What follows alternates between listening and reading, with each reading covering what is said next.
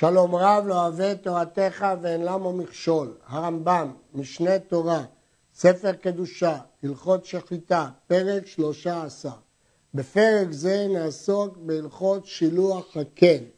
נאמר בתורה, כי יקרא כאן ציפור לפניך בדרך בכל עץ או על הארץ, אפרוחים או ביצים, והאם רובצת על האפרוחים או על הביצים, לא תיקח האם על הבנים, שלח תשלח את האם, ואת הבנים תיקח לך, למען ייטב לך, וערכת ימים.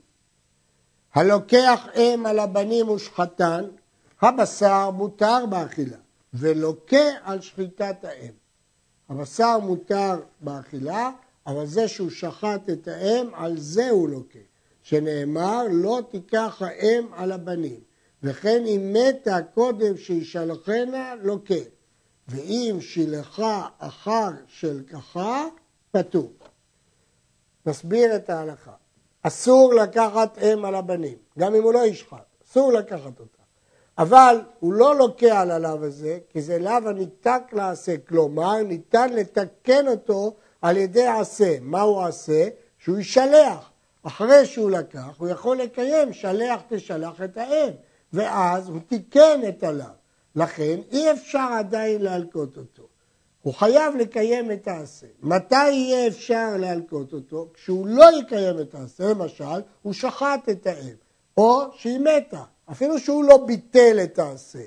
הרמב"ם לא פוסק שצריך שהוא יבטל את העשה, די אם הוא לא יכול לקיים את העשה. כיוון שהוא לא יכול לקיים את העשה, הוא לוקח. וכן כל מצוות לא תעשה שנתקע לעשה, כלומר שאפשר לתקן אותה על ידי עשה, חייב לקיים מעשה שבה, ואז הוא לא ילקה. ואם לא קיימו, לוקה.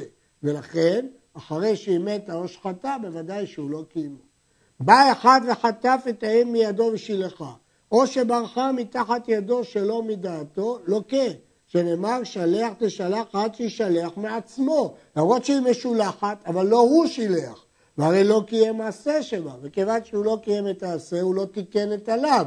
כיוון שהוא לא תיקן את עליו, הוא לוקה על עליו.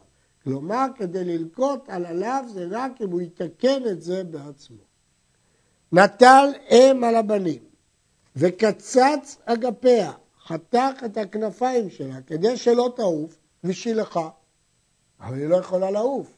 מקין אותו מכת מרדות, כי מצד אחד הוא שילח אותה, מצד שני היא לא יכולה לעוף. הוא משהה אותה אצלו עד שיגדלו כנפיה ומשלחה. והיא מתה קודם לזה. או ברחה ועבדה לוקה, שהרי לא קיים עשה שבה. זה לא נקרא לשלח אם היא לא יכולה לעוף. ולכן הוא צריך שוב לגדל לה את הכנפיים. ואם הוא לא יקיים את העשה כי היא תמות קודם, לוקה, כי הוא עבר על עליו. וכיצד משלח האם, אוחז בכנפיה ומפריחיה.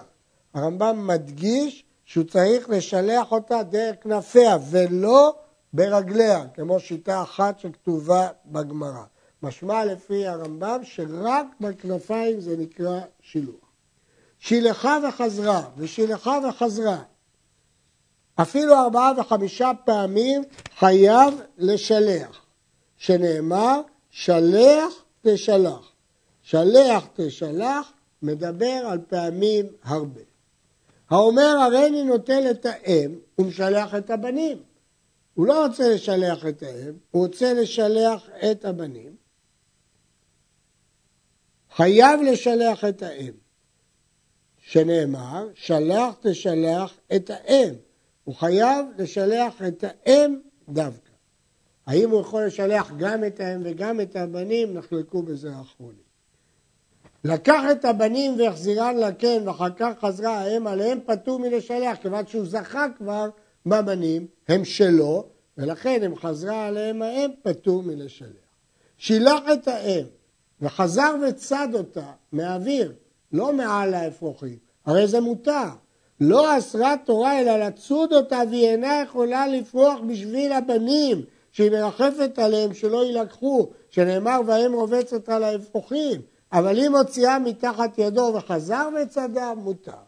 הרמב"ם אומר פה, אם הוא שילח אותה ואחר כך צד אותה בנפרד, מותר. כי מה שאסרה תורה זה לצוד את האם כשהיא רובצת על הבנים. למה?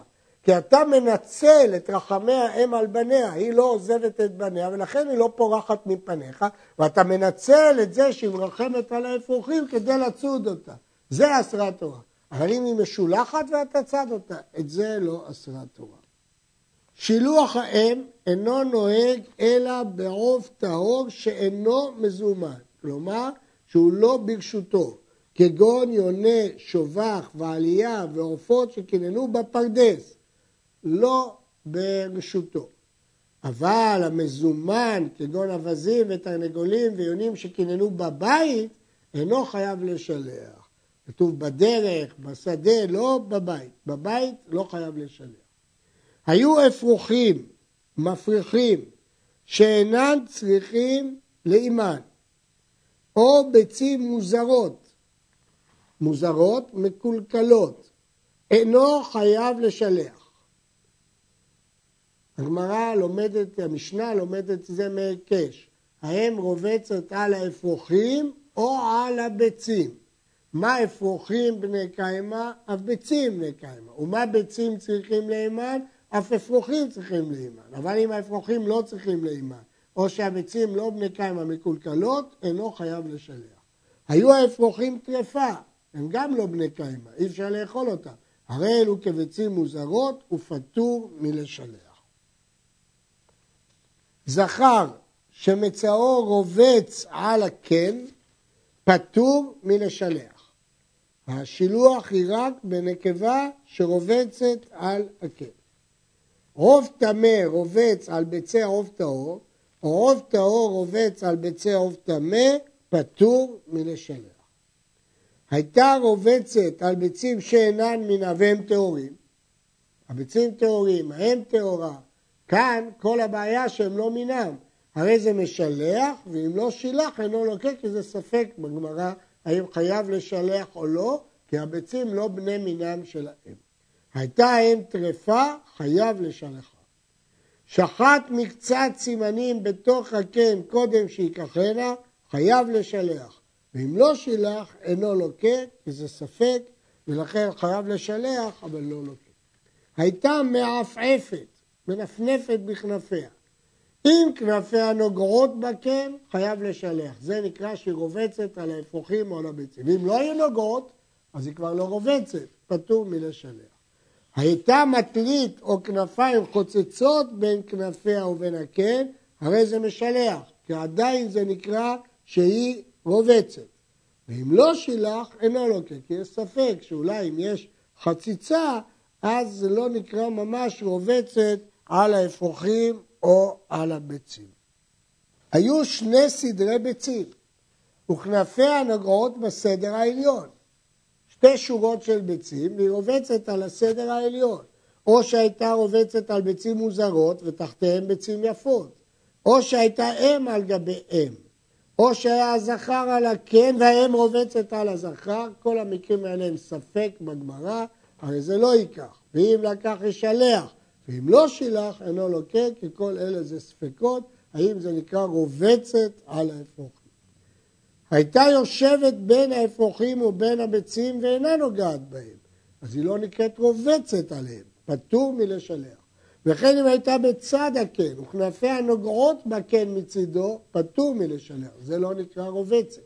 הייתה על שני בדי אילן, שני ענפים של עץ, והקן ביניהם, האם היא רובצת או לא, רואים.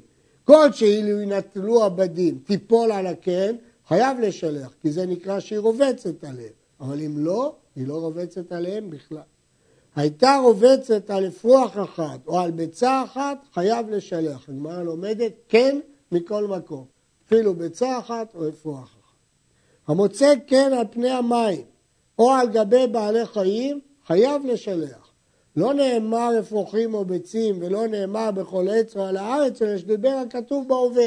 למרות שכתוב על העץ או על הארץ, הייתי חושב שאם זה על המים או על גבי בעלי חיים זה לא נקרא כן, לא כך. התורה דיברה במקרה המצוי, אבל גם זה נקרא כן. אסור לזכות בביצים כל זמן שהאם רובצת עליהם. לפיכך, אפילו הייתה רובצת על הביצים או על האפרוחים בעלייתו ושובחו אינן מזומנים, ולא קנתה לו חצרו. כשם שאינו יכול לזכות בהם לאחרים, כך לא תזכה לו חצרו בהם, ולפיכך חייב לשלח. נסביר את הדין הזה.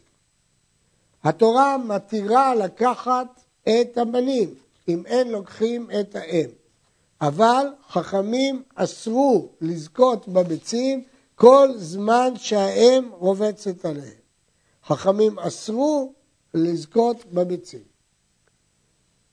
לכן, אם היא רובצת על הביצים או על האפרוחים בעלייה שלו ובשובח שלו, כיוון שאסור לו, הוא לא יכול לזכות בהם לאחרים, אז גם לא זכתה חצרו בהם. וכיוון שלא זכתה בהם חצרו, הוא לא יכול לזכות לאחר, חצרו לא זכתה בהם, אז הוא חייב לשלח. כי בדרך כלל חצרו של אדם זכה בו. אבל פה, כיוון שהאם רובצת עליהם, הוא לא יכול לזכות בהם. כיוון שהוא לא יכול לזכות לעצמו, אז לכן חייב לשלח. אסור ליטול אם על הבנים, ואפילו לתאר בהן את המצורע, שהיא מצווה. לצורך טהרת המצורע צריך ציפורים. והוא זקוק לציפור לקיים בו מצווה. הרי צריך שתי ציפורים טהורות, אחת שוחטים ומקלים עליהם מים ואחת משלח על פני השדה. אסור אם על הבנים. ואם לקח, חייב לשלח, ואם לא שילח, לוקה.